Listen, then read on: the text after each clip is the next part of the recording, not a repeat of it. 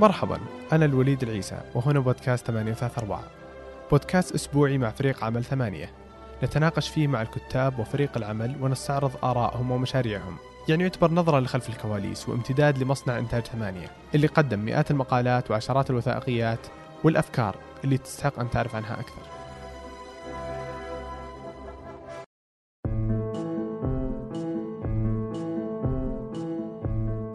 أهلا. الكثير من الحكومات تحاول إقناع شعوبها بأمور كثيرة كالتجنيد والحرب والتصويت لتغيير الدستور مثلا. وتتخذ البروباغندا أو الدعاية السياسية وسيلة لتوصيل هذه الأفكار. ولكن ليس فقط الحكومات من يستعمل البروباغندا حتى الشركات. فشركات التبغ قديما كانت تستعمل العديد من الوسائل التسويقية لإقناع الناس بعدم خطورة التدخين. حرب التبغ إحدى حلقات فنجان أعدتها ريما. ريما كاتبة في ثمانية ومهتمة جدا في البروباغندا. وهي هنا عشان تعلمنا عن أساليب وتأثير البروباغندا وهل إلى الآن تستخدم؟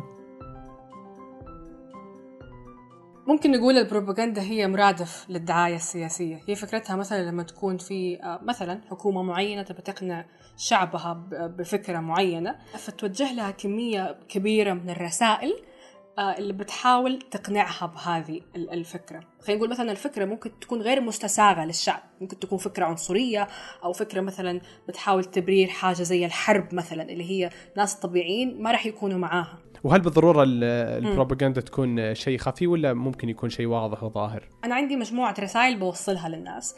الرسائل دي تتضمن حقائق في نفس الوقت ممكن تكون غير موضوعية. فأنت ما حتشوف إني قاعد أكذب عليك. أنا قاعد أقول لك شيء حقيقي. بس أنا قاعدة أخفي جزء من الحقيقة أو مثلا قاعدة أتلاعب بها خلينا نشوف مثلا اليمين في أوروبا كيف بيخوف الناس مم. من اللاجئين. يعني الناس بطبيعتها ممكن تكون ما هي عنصرية أساسا لكن عشان تقنعهم بأفكار عنصرية فهم مثلا بيثيروا في نفسهم الرعب. لما الناس تخاف تبدأ تضطر إنها تقتنع بالحقائق الملعوب فيها اللي بيوصل لهم هي. هذه فكرة البروباغندا الأساسية. فاللي كنت أقوله إنه أنا كنت مهتمة بالدعاية السياسية والبروباغندا. فوقتها رحت متحف في بريطانيا. كان متحف يعرض posters آه، أثرية. فأنا رايحة المتحف عشان البروباغندا. وفعلا وأنا ماشية في المتحف شفت الأشياء اللي أنا بدور عليها. مثلا واحد من أشهر الأمثلة كان مثال أمريكي اللي هو العم سام. لما كان بي بيأشر على على اللي بيطالع في ال poster بيقول له I want you for US US Army. Yes عرفته؟ بيحاول يقنع الجنود ينضموا للجيش الأمريكي. فهذا تقريبا في الحرب العالمية الثانية. وفي نفس تقريبا في نفس الفترة كان في بوستر مرة شهير في بريطانيا. البريطانيين يعرفوا الحروب. الأوروبيين بشكل عام في ذيك الفترة كانوا يعرفوا الحروب كويس فيخافوا منها. فلما تقوم بلدهم تبى تعمل حرب مو كل الناس تتشجع تروح للجيش. فهم كانوا بيعملوا كده آه، دعاية سياسية عشان يقنعوا الناس ينضموا للجيش. فالبوستر اللي كان مرة شهير كان عبارة عن آه، عائلة كده صورة العائلة أب وحوله أطفاله وكده يعني عائلة تبدو سعيدة جدا والطفل بيطالع في أبوه بيسأله إيش عملت؟ دادي إيش عملت؟ وقت في الحرب. الحرب. أيوه. إيش عملت وقت الحرب العالمية؟ يعني كأنه هذا البوستر مرحلة ما بعد الحرب. فأنت يا جندي مم. الآن اللي ممكن تكون شاب أنا قاعد أوريك صورة مستقبلك. أنت حتكون سعيد ومع أسرتك. يعني أنت ما حتموت في الحرب. صح. خايف تموت أنت ما حتموت. طيب؟ وإنه يعني آه، أولادك بينظروا لك نظرة اللي إيش سويت في الحرب؟ فأنت إذا ما كنت شاركت كأنها اللي ما في شيء راح تقدر تقوله لعيالك. بس بالزبط. اذا شاركت راح تكون البطل المشارك إيه اللي. بالنهاية بتكون سعيد مع أولادك. بالضبط. أنا اللي بوصل لك هو هنا إنه الحرب هذه ترى حدث تاريخي. أنت قاعد تحصل في حدث تاريخي انتصار تاريخي راح يجي وأنت لو ما اشتركت في حرب أنت حتكون برا التاريخ. إيه في صورة شهيرة حقت اللي امرأة آه، مطلعة عضلاتها ومكتوب فوق We can do it كان أعتقد سبب إنها طلعت إنها في في وقت الحرب كانوا يبغون النساء يتجهون للمصانع وبعضهم يتجهون للحرب. بعدين بعدها يعني هذا كان الهدف الرئيسي. بعدين بعدها في السبعينات والثمانينات الصورة هذه انتشرت لدعم الفيمينيزم والنسوية. فكان لها هدف وصار لها شيء. آخر وكلها من ضمن البروباغندا في وقتها. برضو في مثال شفته في المتحف ومثال مرة يعني بالنسبة لي مرة مهم. طبعا معروفين عموما الاوروبيين بس الإنجليز معروفين في ذاك الوقت كانوا عندهم تفاخر بالعرق الأبيض بعرقهم. واللي عملوه مثلا في الهند مثلا ما يخفى على أحد عملوا جرائم في الهنود. وكان في الاستعباد برضو من الأف... الأفريقيين. يعني الإنجليز يشوفوا نفسهم كعرق أفضل كعرق سامي. لكن وقت الحرب لأنهم احتاجوا كل أحد كل جندي ممكن إنه يكون مفيد في الحرب. كان في آه كده إعلان بوستر شهير جدا عبارة عن مجموعة جنود آه، إنجليز كده مثلا واحد لابس مارين لابس بحرية واحد لابس جيش كده آه ومعاهم هم كده أك أكثر من نفر آه أغلبهم بيض لكن في واحد مثلا وسطهم أسود. لابس نفس لبسهم. شخص آخر هندي يبان من إنه هندي من من مثلا سماره من دقنه من العمة حقته. وهم كلهم مم. يعني واقفين نفس الوقفة حق الشي- الجيش لابسين نفس اللبس وماسكين نفس البنادق وفوقهم في ال- ال- العلم البريطاني وتحت مكتوب together كان قاعد يروج على التنوع العرقي الموجود في بريطانيا. يعني بريطانيا وقت الحرب بس صارت حقتنا كلنا.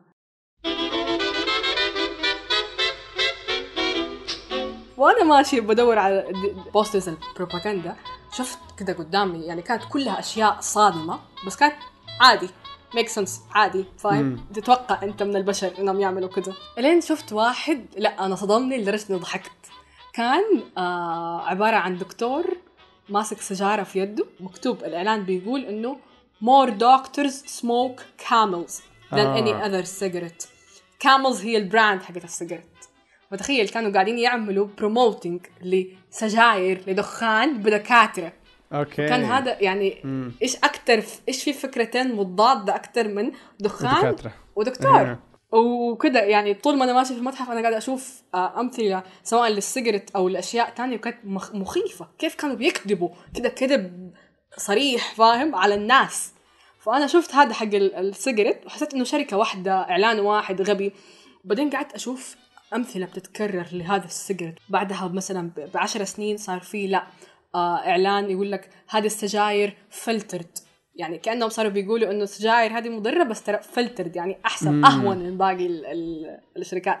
إعلان تاني بيقول لك إنه دكتور الأسنان يوصيك بهذه السجاير. وهو عموما آه، من أكثر الشركات الناجحة كانت في الإعلانات.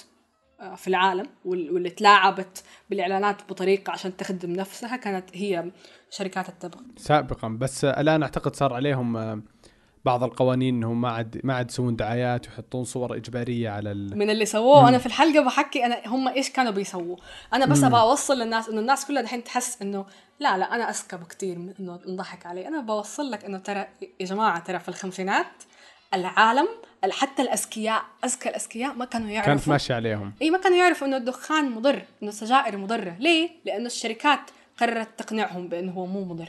ومثل الآن مثل ال- اللي هو ال- السكر هذا الأبيض في يعني ناس يسمونه ال- السم الأبيض صح. إنه يعني له له مضار كأضرار التدخين. أيوه بس إلى الآن ما جت آه، قوانين تحمي من آه، الدعاية اللي ممكن تسويها. صحيح. يعني قبل فترة كانوا يتناقشون.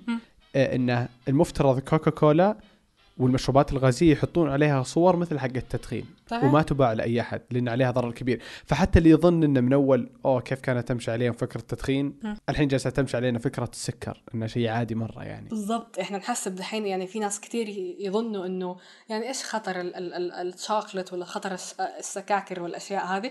خطرها إنه أنا مثلا حيتخني لا هو سم حتى لو كنت تعرف إنه هو سم الإعلانات المستمرة هي بتأثر أصلا على سلوك كثير من الناس. ويعني أنا أحس إنها هي خطيرة عموما لكل الناس خطيره على كل ال- ال- الأشخاص لكن أنا أحس إنها إجرامية لما تكون موجهة للأطفال. لما يكون الإعلان في عبارة عن سكاكر. وأطفال وأنا الأطفال هم أصلا ما عندهم أي filters لسه.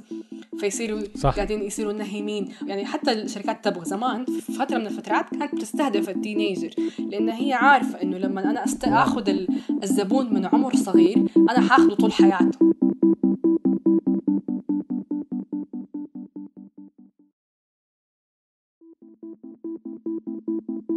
طب ال- الأساليب المتخذة للبروباغندا يعني أول شيء يجي بالك لما تبحث ولا تفكر إن البروباغندا هي هذه البوستر اللي تصميمه قديم كذا وشكله حلو هل هذه فعلا بس البروباغندا الموجودة؟ في ناس كثير يحسبوا إنه ال posters دي بس طبعا هو مو بس posters هي كانت في كل channel ممكنة.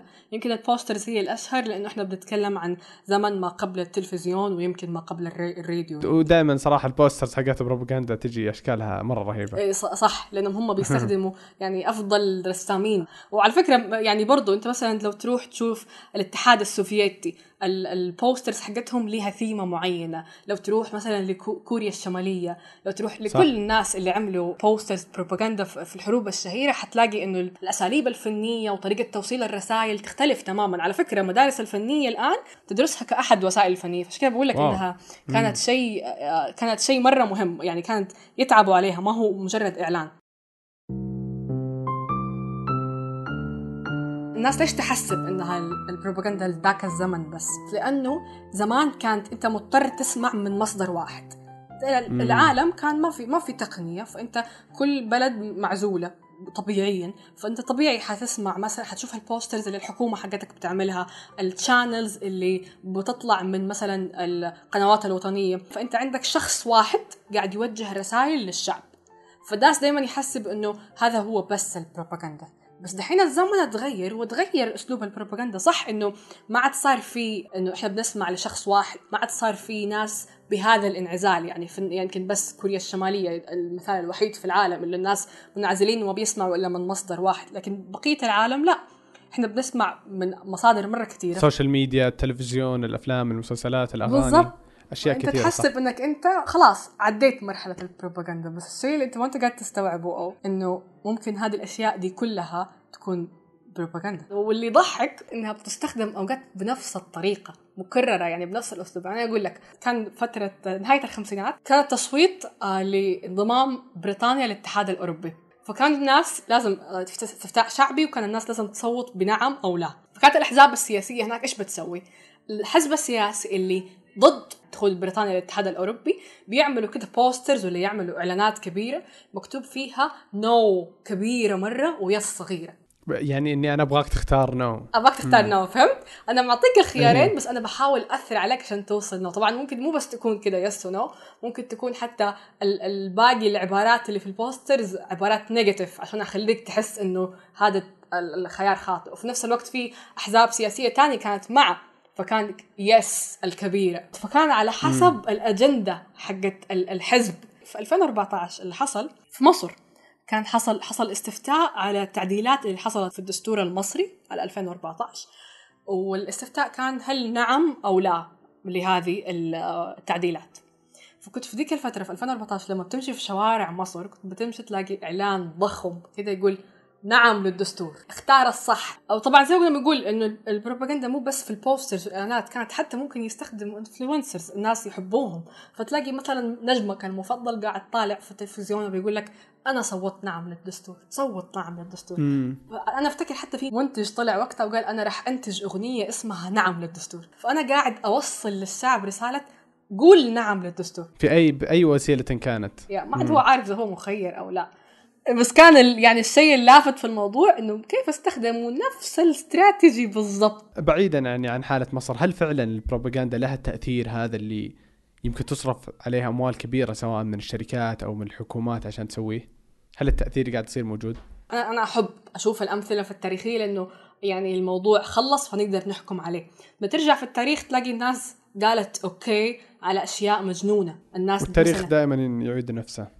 إيه الناس مثلا دعمت آه أنظمة فاشية للحكم كيف كيف ناس دعموا نظام فاشي عشان يوصل للحكم فاهم؟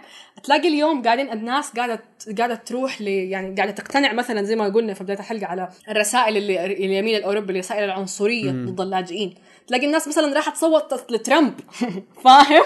إيه، فتتحس إنه كيف كل الناس أجمعوا على فكرة سيئة زي كده قاعد تثبت إنجاحها على مر التاريخ وإلى اليوم طبعا طيب هل نقدر نكافح ال ال أو أو هل نقدر نقلل تأثير البروباغندا علينا لو إن إحنا ما نبغاها؟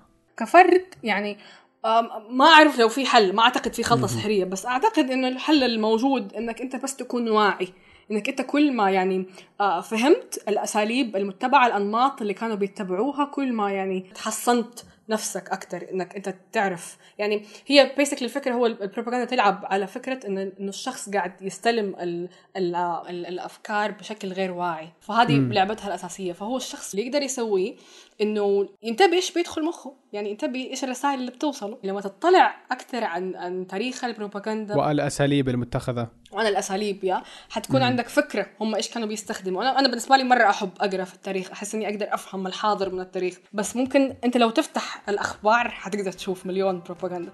فهي بس الفكرة م. إنك توصل لمرحلة إنك تفهم إنه كل رسالة بتوصلك ترى في ليها معاني خفية ترى لي فيها أجندة. فأنت لازم تفكر كويس. في الأشياء اللي بتدخل مخك لازم تفلترها كويس. فاي ثينك انه هذا الوصفه السحرية يعني ما في شيء غيره. يعطيك العافية ريما. الله يعافيك. شكرا لك وشكرا لوقتك. يمكنكم إيجاد جميع ما ذكر في وصف الحلقة. موعدنا الأسبوع القادم.